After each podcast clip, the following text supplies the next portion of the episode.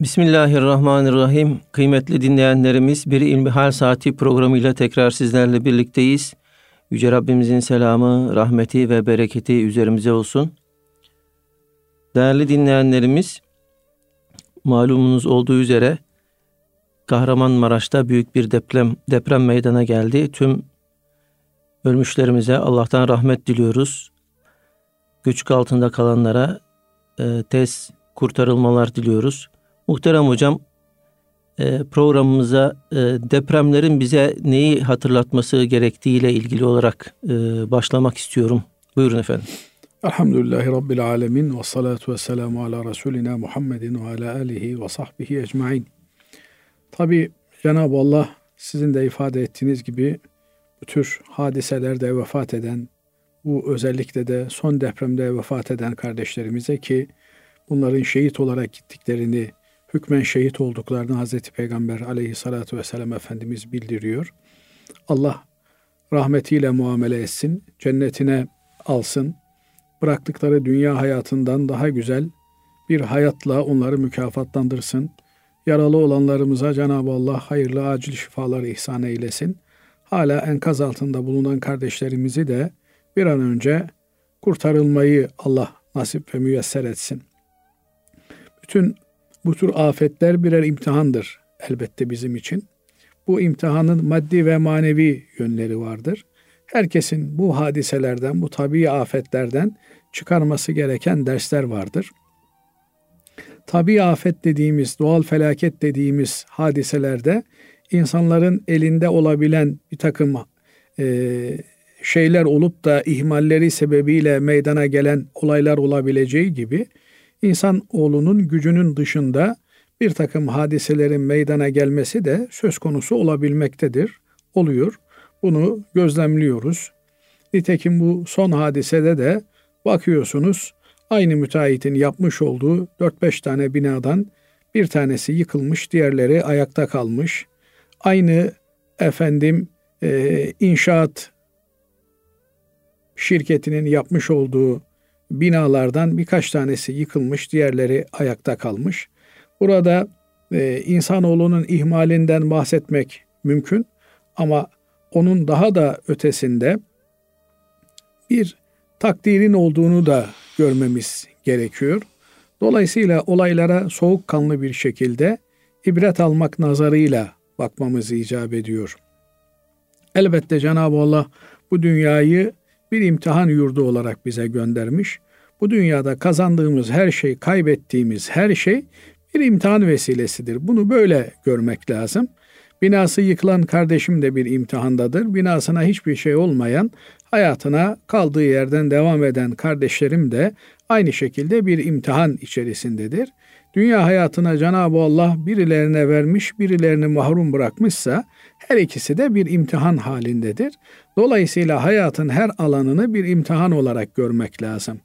Enkazın altında kurtarılmayı bekleyen kimse sabırla imtihandadır. Enkazın dışında enkazın altındakilerini kurtarmakla yükümlü olanlar da çalışmakla bir imtihan halindedir. Eğer bütün güçlerini, imkanlarını seferber edip de enkaz altındakilere ulaşmaya gayret etmezler ve onları ihmal ederlerse imtihanı kaybetmiş olurlar ve imtihanı kaybetmenin neticesinde de ahirette bunun hesabını verirler. Şimdi farklı açılardan olayları değerlendirmek lazım diyoruz. Elbette bina yapısı olarak, bina standardı olarak olaya bakılması gereken yönler var. Elbette bireysel olarak yaptığımız, ettiğimiz, toplumsal olarak gittiğimiz yönle ilgili değerlendirmeler yapmamız gerekiyor. Biz ne kadar toplumsal olarak birbirimizle kenetlenmiş, birbirimizi seven, birbirimizin hayrına çalışan bir toplumuz. Bunu gözden geçirmemiz, değerlendirmemiz elbette gerekiyor. Fakat takdir ederseniz ki Basri Hocam bu tür değerlendirmeler için biraz olayların üzerinden zaman geçmesi ve soğukkanlı bir şekilde olayların ele alınması gerekiyor. Maalesef yine acı bir şekilde görüyoruz ki olayların henüz mahiyeti ortaya çıkmadan bir takım insanları itham etmek veya bir takım yetkililerle ilgili ileri geri konuşmak şeklinde dedikoduya dayanan, bilgiye dayanmayan iftiraların ortalarda dolaştığını görüyoruz. Bunlar da doğru bir şey değil. Bugün yapılması gereken şey milletçe birbirimize kenetlenmektir. Hakikaten orada e, bu afeti yaşayan kardeşlerimizle beraber olabilmektir. Düşünebiliyor musunuz? Gecenin dördünde sıcak yatağınızda yatarken birden 15 dakika sonra 17 dakika sonra şiddetli bir depremle sarsılıyorsunuz ve süre olarak da bu deprem çok uzun sürüyor. Tam 90 saniye sürüyor. Normalde 15-20 saniye süren depremler, depremler bile çok yıkıcı olmasına rağmen bu depremin e, bir buçuk dakika kadar sürüyor olması hakikaten çok büyük bir hadise. Bir takım bina blokları da e, bu kadar uzun sürmesine dayanamayarak muhtemelen yıkılıyorlar. Bulundukları yerde e, istinat noktaları bulunmadığı için yıkılıyorlar. Elbette depremle ilgili bina stoklarımızı gözden geçirmemiz gerekiyor. Bina kalitelerimizi gözden geçirmemiz gerekiyor. Yeniden e, şehirlerimizi imar etmemiz, yatay mimariye geçmemiz vesaire vesaire şehir planlamacılarının özellikle de ilgi alanına giren birçok nokta burada dile getirilebilir. Ama az önce de ifade etmeye çalıştığım gibi bu saatlerde, bugünlerde yapmamız gereken burada açıkta kalan kardeşlerimize bir an önce sıcak yuvalar e, temin etmek. Bunun için de imkanı olan kardeşlerimizin evlerinde aileleri misafir etmeleri gerekiyor. Çünkü bu insanları e, tek başlarına yeni konutlara yerleştirmek de bir şey ifade etmeyecek. Psikolojik olarak büyük bir travma yaşamışlar. Düşünebiliyor musunuz? Bir anne belki çocuğunu kaybetmiş, belki kocasını kaybetmiş, belki bir adam hanımını kaybetmiş. Ona al işte sana burada ev burada yemek yap pişir dediğinizde o insanın yemek yapacak bir psikolojik haleti ruhiyesi de bulunmayacaktır. Bu tür afetlerde özellikle de aktive edebileceğimiz bir kardeşlik sistemimizin olması lazım geliyor. Doğudaki ile batıdakinin bu sefer biliyorsunuz memleketimizin doğusunda, güneydoğusunda bu hadise meydana geldi. Maraş, Adana, Osmaniye, Diyarbakır, Urfa ve havalisindeki illerimiz ilgilendi. Bu şekilde eğer biz doğu ile batı, güney ile kuzey arasında e, kardeşlik köprülerini kurabilseydik burada her kardeş kendi kardeş ailesinin halını hatırını sorup onlara yardım edebilme için e, elinden gelen imkanları seferber edecekti. Ama gönüllülük sistemine dayanan bu sistemi kurmak için de çok gecikmiş sayılmayız. İmkanı olanların acilen bu aileleri yanlarına almaları ve onlara e, bir müddet hem maddi hem manevi göz kulak olmaları lazım gelir, icap eder diye düşünüyorum. Diğer yandan tabi bu tür afetler toplumun tekrardan birbirine kenetlenmesi için, birlik ve bütünlük arz etmesi için bir fırsat olarak değerlendirilmeli. Çünkü ölümlü dünya kin gütmenin birbirine karşı efendim içten içe bir nefret beslemenin bir alemi yok. İşte bakın bir deprem geliyor. 4'ü 17 geçe herkes uykusundayken mışıl mışıl uyurken bir deprem geliyor ve herkesi tutup sürüklüyor. O binanın içerisinde filan partiden olanı, feşmekan partiden olanı ayırt etmiyor. Efendim bir evin içerisinde namaz kılanı, kılmayanı ayırt etmiyor. Bir bela geldiğinde, bir musibet geldiğinde hep beraber o musibete maruz kalıyoruz. Ee, karşısına e, dikilmek durumunda kalıyoruz. Binaenaleyh nasıl musibet, bela, bir afet geldiğinde hepimizi etkiliyorsa bu tür belalara, musibetlere göğüs germe noktasında da birlik beraberlik olmanın zamanıdır. Bunu becermek lazım. Bu gibi e, dönemlerde aykırı laflar edenler, birilerini suçlamaya çalışanlar çok yanlış yaparlar. Unutmamak gerekiyor ki e, kimse bu depremin nerede, ne zaman, nasıl olacağını ve deprem olduğunda hangi binaların yıkılacağını, yıkılan binalarda kimlerin enkazın altında kalacağını tahmin etme imkanına sahip değildi. Evet bir takım tahminlerde bulunulabilir. Şu bölgede deprem olması bekleniyor. Şu bölgede birkaç güne kadar, birkaç aya kadar efendim sismik hareketlilik var. Buralarda bir şeyler olacak diye tahminlerde bulunmak mümkün ama kimse kendisine ölümü yakıştırmıyor. Kimse kendisine böyle bir afeti yakıştırmıyor. İnsanlar karda, kıyamette, kışta sokakta kalmak durumundalar.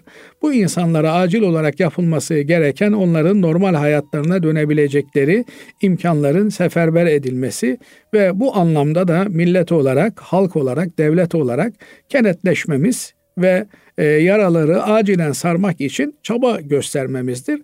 Olayı böyle değerlendirmek lazım. Ama bu olayın üzerinden bir müddet geçtikten sonra tabi olayın sebeplerini, oluş biçimini, neler yapılabilirdi de yapılmadı, neler daha iyi yapılabilir diye bunları konuşmak lazım. Bunların üzerinde durmak lazım. Hiçbir detayı atlamamak lazım. İnsan planında yapılması gereken şeyleri bizim yapmamız gerekiyor. Mutlak surette tedbirlerimizi almamız gerekiyor. Fakat e, görünen o ki ne kadar tedbir alırsak alalım, tedbirlerin üstünde bizim gücümüzün yetmeyeceği bir takım hadiseler olabilmekte. Böyle hadiseler olduğunda da biz en azından elimizden geleni yapmış olmanın verdiği bir rahatlığı hissedebilme imkanına sahibiz. Bir diğer yandan da şunu unutmamak gerekiyor. Deprem tabii bir afettir. Tabii bir netice ile gelir. Burada bu afetler Cenab-ı Allah'ın takdiriyledir elbette. Fakat bu takdirin bizlere hayrı olan tarafını göz önünde bulundurmak lazım. Ayet-i kerime diyor ki kullen yusibena illa ma ketaballahu lena. Le, li harfi ceri biliyorsunuz lehimizde olan, menfaatimize olanı ifade e, eder. De ki diyor bize isabet edenler Cenab-ı Allah'ın bizim lehimize yazdıklarından dolayıdır. Cenab-ı Allah bir imtihan verir, bir dert verir, bir keder verir. Bunları iyi değerlendirebilirsek, bunları bu e, afetleri fırsata çevirebilirsek buralardan karlı ve kazançlı çıkabiliriz. Bunun yolu da sabırlı olmak ve Cenab-ı Allah'ın vermiş olduğu nimetlerin şükrünü eda etmeye gayret etmektir. Şunu bir Müslüman olarak hepimizin iyi bilmesi gerekiyor ki ölüm vakti saati gelmemiş olan hiçbir kimse ölmez. Binaenaleyh deprem geldi de vakitsizce aramızdan aldı diye bir şey söz konusu değil. Vakitsizce bu dünyadan giden olmaz. Herkes vaktini doldurur, saatini doldurur, son nefesini verir. Öyle bu dünyadan ayrılır. Binaenaleyh aramızdan erken gitti, çok erken oldu ölümü, zamansız oldu türünden laflar bir Müslümana yakışmayacak olan laflardır. Cenab-ı Allah bir kimsenin derecesinin yükselmesini murad etmişse onun ölümünü de onun derecesine paralel bir şekilde yapar. Başta da söylediğimiz gibi bu tür afetlerde, depremlerde, yangınlarda, sellerde, efendim tabii afetlerde ölenler yani olağan dışı hadiselerde vefat eden kimseler Hz. Peygamber aleyhissalatü vesselam Efendimizin hadislerdeki ifadesinden anladığımız kadarıyla şehit olarak ölürler. Hükmen şehit olurlar. Elbette şehitlik iman etmiş olanlar için bir anlam ifade eder. Adamın imanı yoksa, Allah'la bir kavgası varsa Allah'ın ona vereceği şehitlik rütbesine de ihtiyacı yok demektir. Ama Allah'a sadık bir kul olan bir kimse nasıl olsa ölecekti. Böyle bir afetle ölmenin neticesinde Cenab-ı Allah'ın büyük ikramlarına mazhar olacak demektir. Bu şekilde geride kalan yakınları da teselli bulurlar ve kayıplarını bir e, kaybolmuş gitmiş olarak değil de Allah'ın rahmetine intikal etmiş kimseler olarak değerlendirirler. Orada o e, zor şartlarda, o çetin koşullarda bekleyenler ki orada saniyeler herhalde e, yüzyıl gibi geçiyordur. Onlar da her bir anları için Cenab-ı Allah'ın kendilerine lütfedeceği bereketi, kendilerine lütfedeceği sevabı beklerler. Binaenaleyh bizim kul planında öncelikli olarak yapacağımız şey Cenab-ı Allah'a sığınmak, dua etmek, onun rahmetini, lütfunu beklemektir. Yaralılarımız için acil şifalar dilemektir. Enkaz altında olanları kurtarmaya gayret etmektir. Kurtarmaya gayret edenlere yardımcı olmaktır. En azından güzel sözle, tatlı ifadelerle moral vermektir. Gün birlik ve beraberlik olma günüdür. Cenab-ı Allah beterlerinden muhafaza eylesin. Ülkemizi bu tür afetlere karşı daha hazırlıklı hale getirsin. Hem afet öncesi hazırlık hem afet sırasında hem afet sonrası bağlamında hazır olması ülkemizin önemli. Elhamdülillah gördüğümüz kadarıyla devletimiz olaya vaziyet etmiş durumda ve e, hızlı bir şekilde yaralar sarılmaya çalışılıyor. Dışarıda kalanlar, evleri, barkları yıkılmış olanlar hemen güvenli bölgelere alınmış bulunuyorlar. Bu yönüyle Türkiye'miz elhamdülillah çok önemli mesafeler kat etmiş bulunuyor.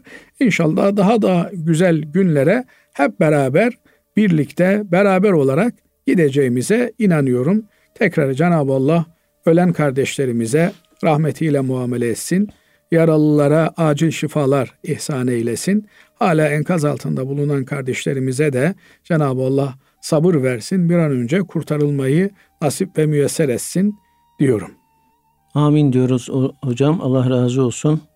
Efendim şimdi e, dinleyicilerimizden gelen sorulara geçmek istiyorum. Değerli hocam diyor dinleyicimiz, bizim Kur'an kursuna verilen zekatları belletme maaşlarında kullanabileceğimiz söylenmişti. Bunun haricinde aşçı, temizlik personelinin maaşlarında da kullanabilir miyiz? Bir de bazı belletmen hanımların ailevi durumu iyi olabiliyor. Ona zekat verilir mi? Ayrıca evli hoca hanımların maaşları da zekattan karşılanabilir mi diye soruyorlar. Evet şimdi zekat Cenab-ı Allah'ın Müslümanların zenginleri üzerine farz kıldığı zenginlerinden alınıp fakirlerine verilecek olan bir ilahi ödemedir. Bu ödeme ile yükümlü olan Müslümanların zenginleridir. Buna muhatap olan, bunu alacak olan da Müslümanların fakirleridir.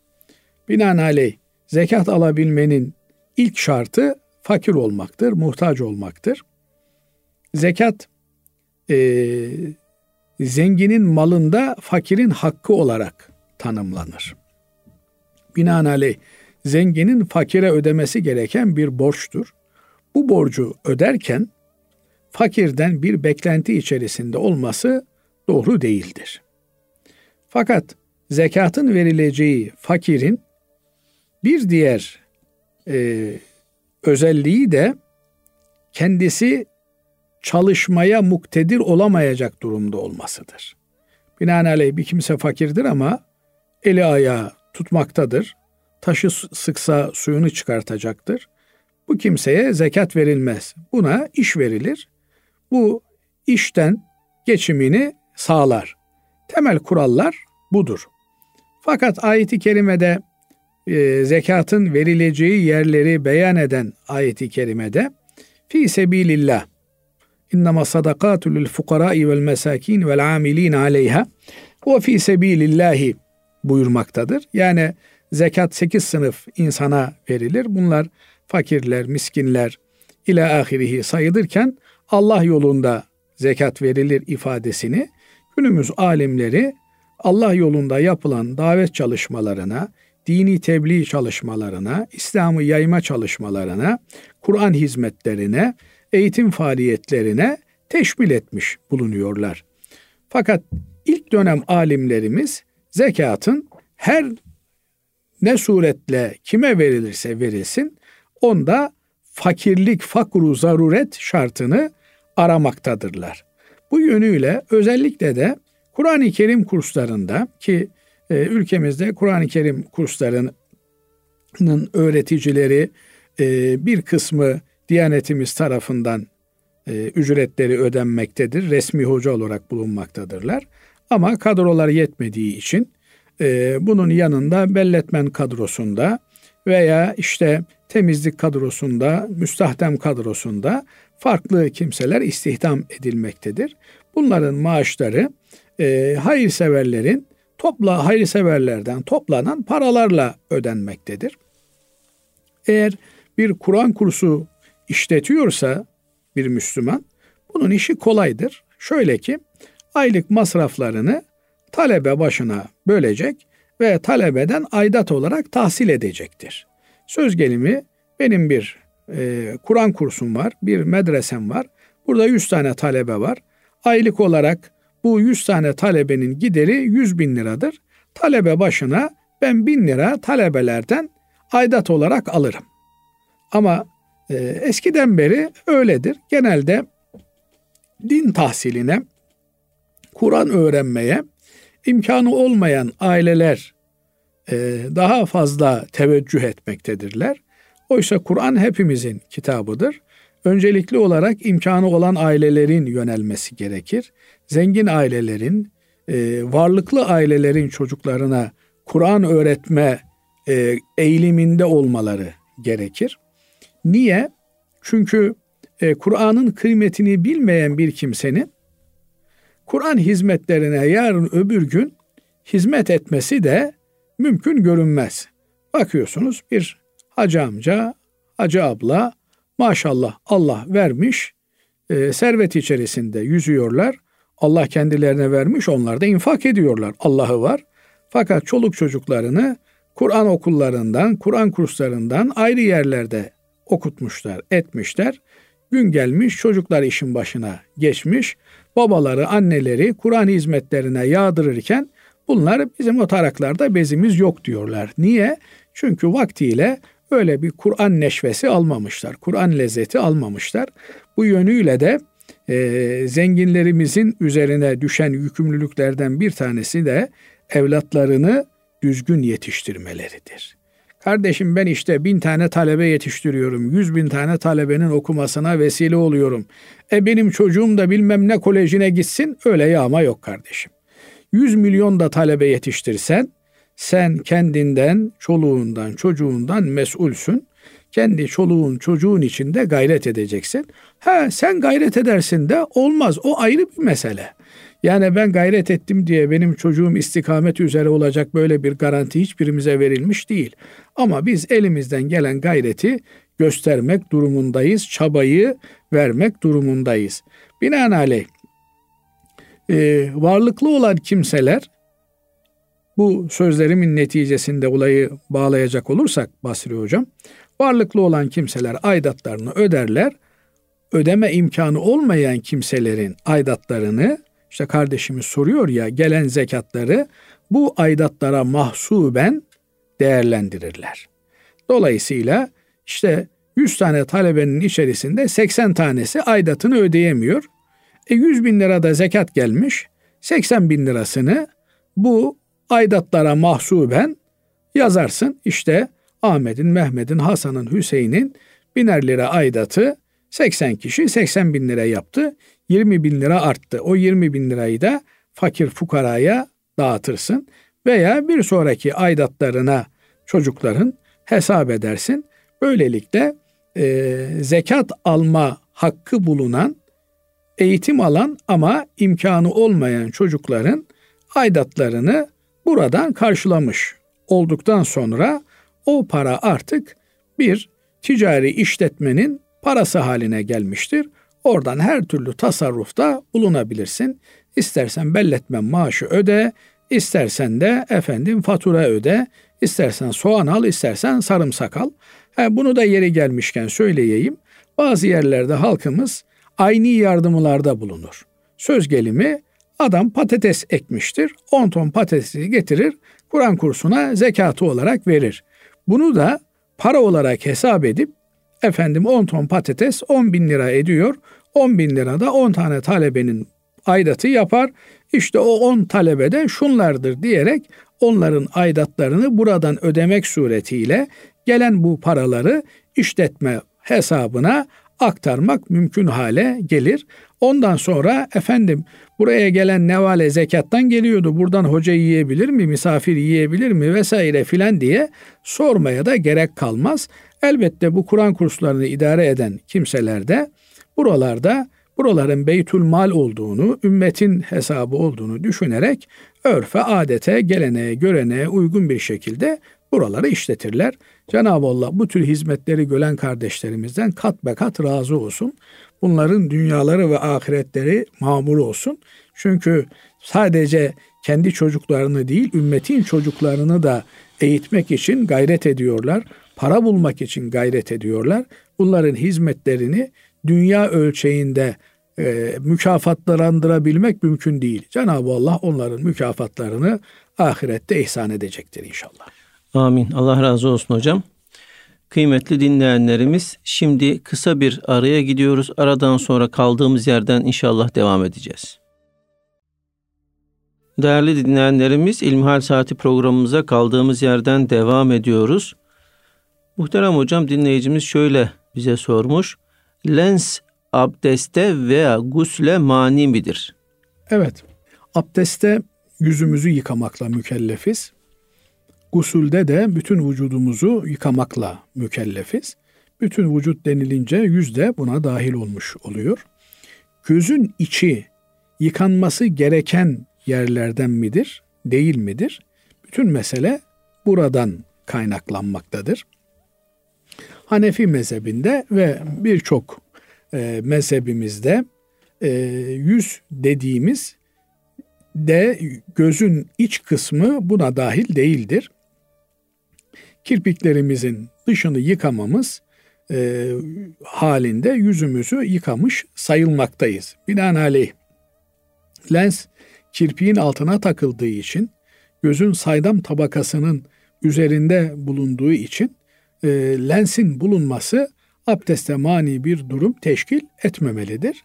Bazı sahabe efendilerimizden abdeste aşırıya gittikleri, gözlerinin içini de yıkamaya gayret ettikleri ve bundan mütevellit de e, bir dönem sonra gözlerinde rahatsızlıkların olduğuna dair rivayetler varsa da bu şahsi iştihatlardır. Bu tür şahsi iştihatları ümmeti Muhammed bu özel kişilerin özel tercihleri olarak görmüştür. Nitekim bu mübarek zatlar da başkalarına iştihat vermeye sıra geldiğinde bu tür iştihatlarda bulunmamışlardır.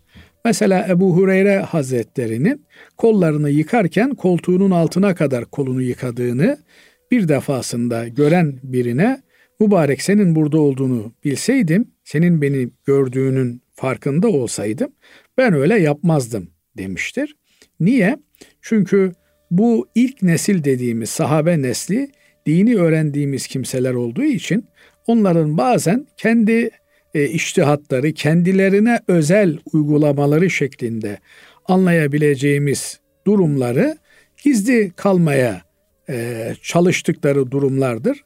Bu hadiseden de bunu görüyoruz. Ebu Hureyre Hazretleri milletin içerisindeyken kollarını normal herkesin yıkadığı gibi dirsekleri içine alacak şekilde yıkarmış ama yalnız olduğunda olabildiğince kolunu omuzuna kadar yıkamaya gayret edermiş. İlletini ifade ederken, açıklarken de kıyamet gününde abdest azalarından nur geleceğini ve Hz. Peygamber aleyhissalatü vesselam Efendimizin o abdest azalarındaki nurlardan dolayı ümmeti Muhammed'i tanıyacağını ifade eden hadise binaen kendi nurunun daha fazla olmasını ve daha tanınır hale gelmesini murad ettiği için böyle yaptığını ifade ettiği nakledilir.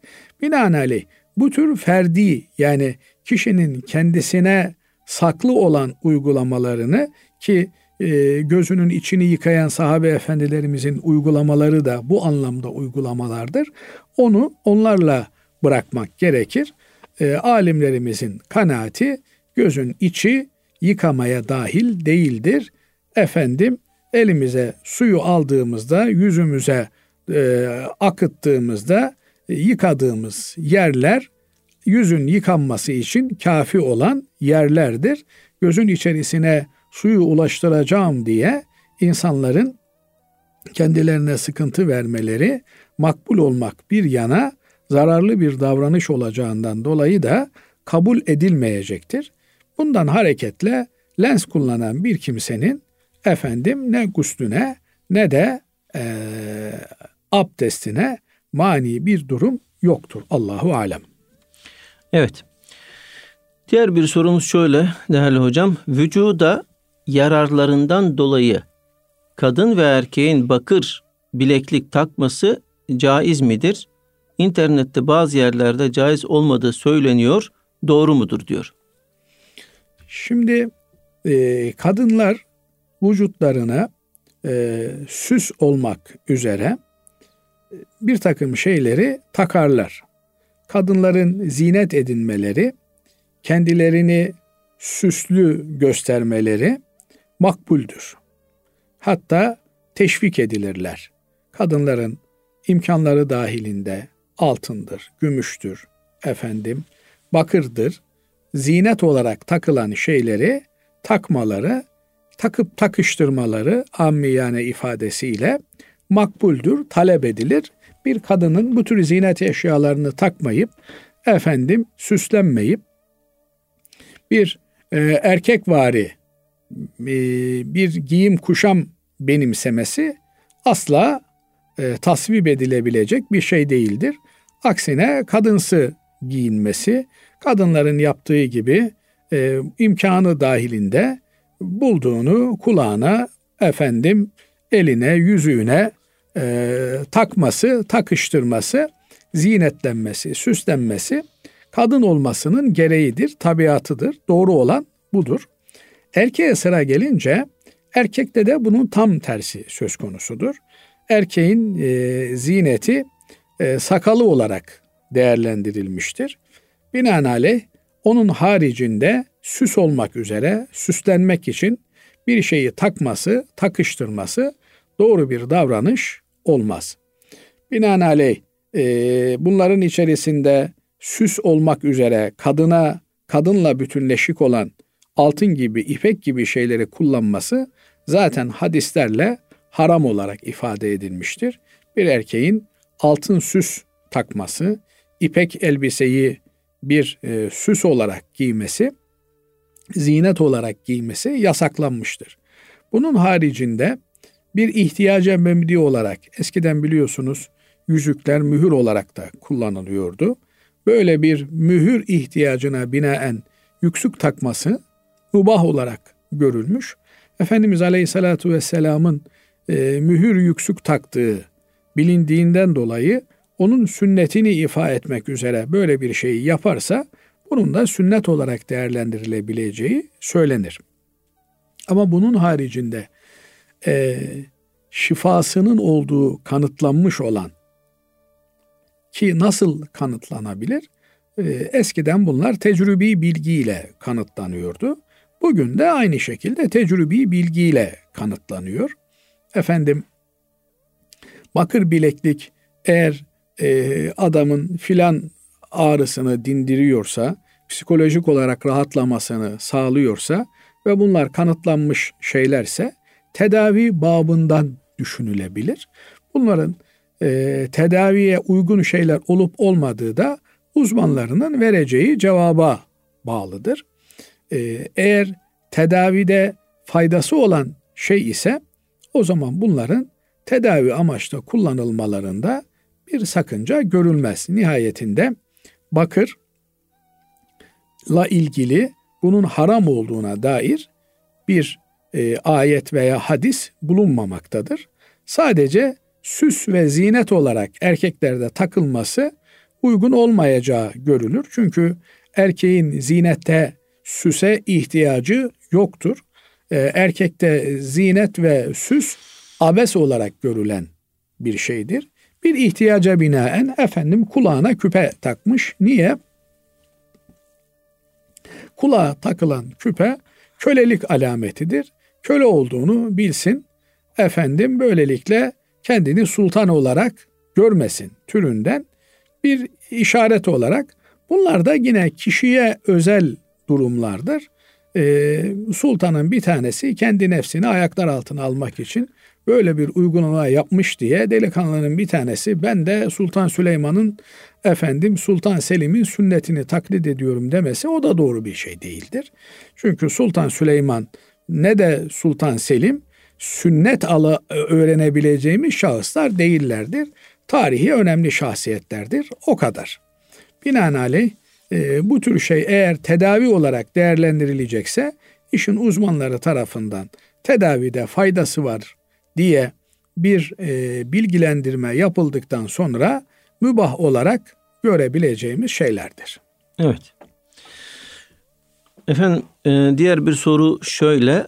Gayrimeşru yoldan elde ettiği gelir sonucu kişiye zekat veya hac ibadetleri farz olur mu? Olmaz. Gayrimeşru yoldan elde edilen mallar kişinin olmaz. Kişinin mülkü olmaz. Kişinin serveti olmaz. Onlarla beraber kişi zengin olmaz. Yani sizin bende işte paranız olmuş olsa 1 milyon liranızı bana emanet olarak bırakmış olsanız o 1 milyon lira benim kasamda var diye ben zekat mükellefi olur muyum? Veya haç mükellefi olur muyum? Olmam. Niye? Para benim değil. Aynı şekilde gayrimeşru yollarla kazanılmış olan paralar da e, ellerinde bulunan kimselere ait değildir. Bunlar fiilen birinin elinde görünse de onların asıl sahiplerine döndürülmesi gerekir. Kumardan almış parayı diyelim. Kumardan kazanmış parayı. Kumardan kazanılan bu para kimden alınmışsa ona verilmesi gerekir. Efendim milli piyango gibi adına milli bir de diyorlar ki millilikle hiçbir alakası yok.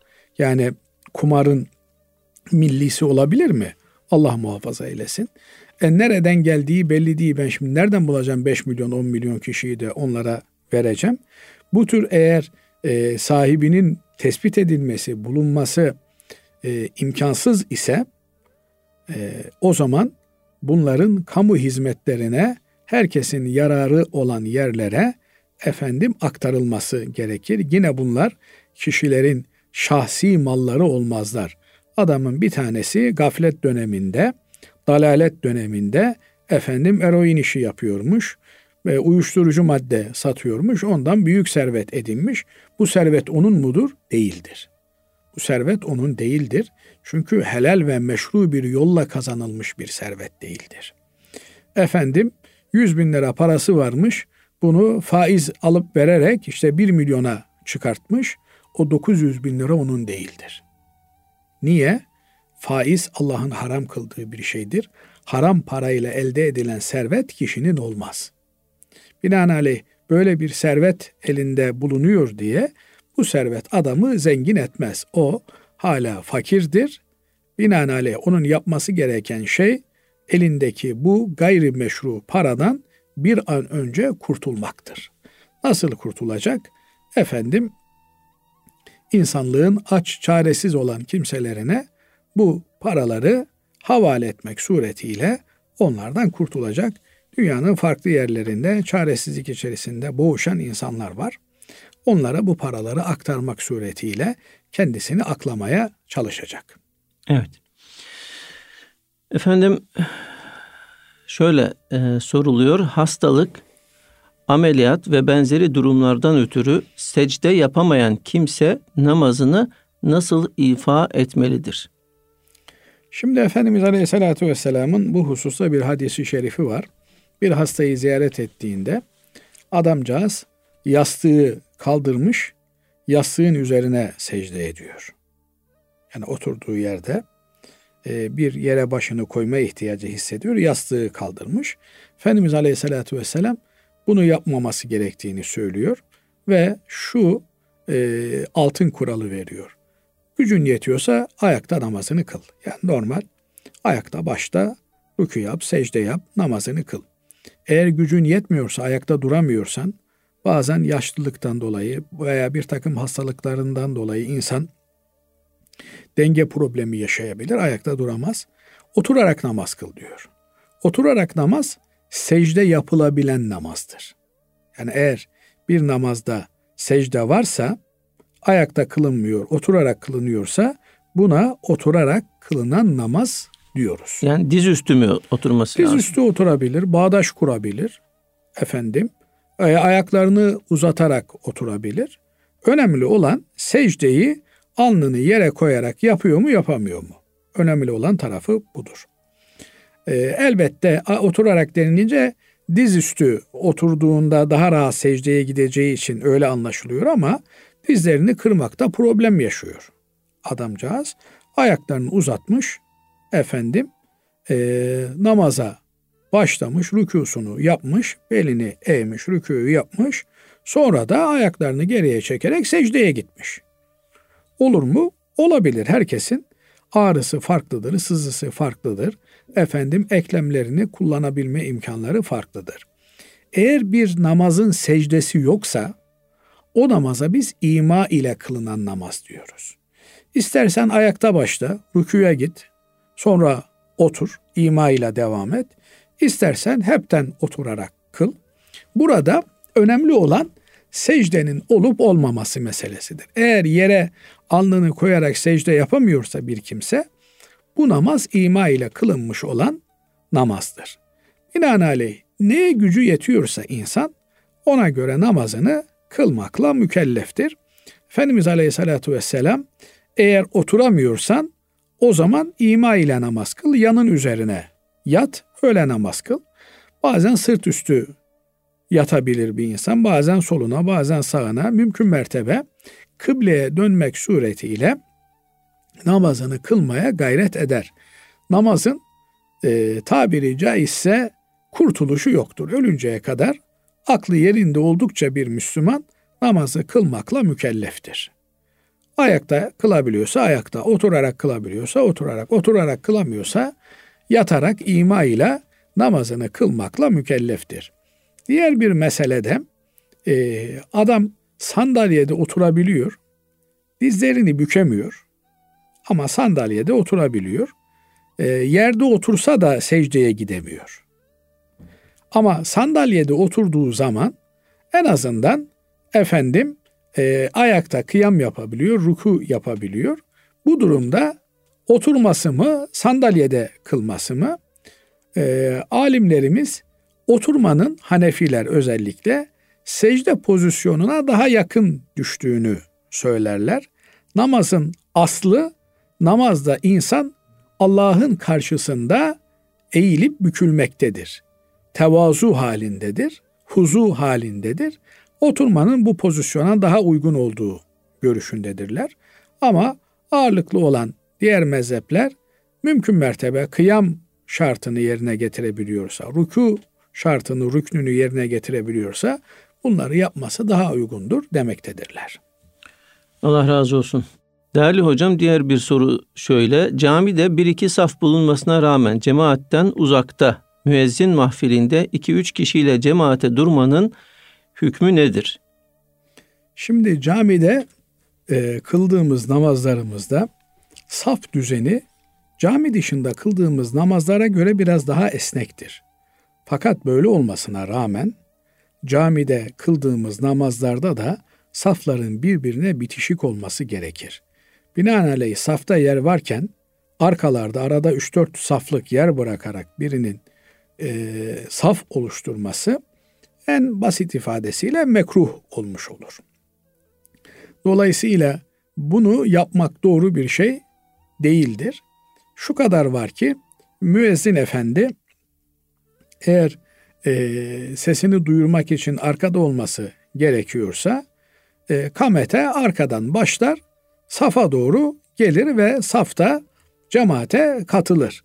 E, müezzin için ayrı bir mekan tek de kalsa yanında bir kişi de kalsa onun camide de olsa saflardan kopuk olarak arkada bir yerde namaza durması doğru değildir. Şu kadar var ki namaz eğer camide değilse başka bir yerde ise namazın safları arasında 2-3 saflık kopukluk olması bazı durumlarda namazın sıhhatine de mani olur. Ama camide tek başına da olsa arkada kılan bir kimse öndeki cemaate uymak suretiyle namazını kılarsa namazı geçerli olur. Mekruh da olsa geçerli olur. Ancak doğru olan safların bitişik olmasıdır. Saflarla beraber olmaktır. Ana gövdeden, ana yapıdan ayrılmamaktır. Buna da dikkat etmek lazımdır. Allah razı olsun değerli hocam. Teşekkür ediyoruz. Kıymetli dinleyenlerimiz bir İlmihal Saati programının böylece sonuna ermiş bulunuyoruz. Efendim hepinizi Allah'a emanet ediyoruz. Hoşçakalın.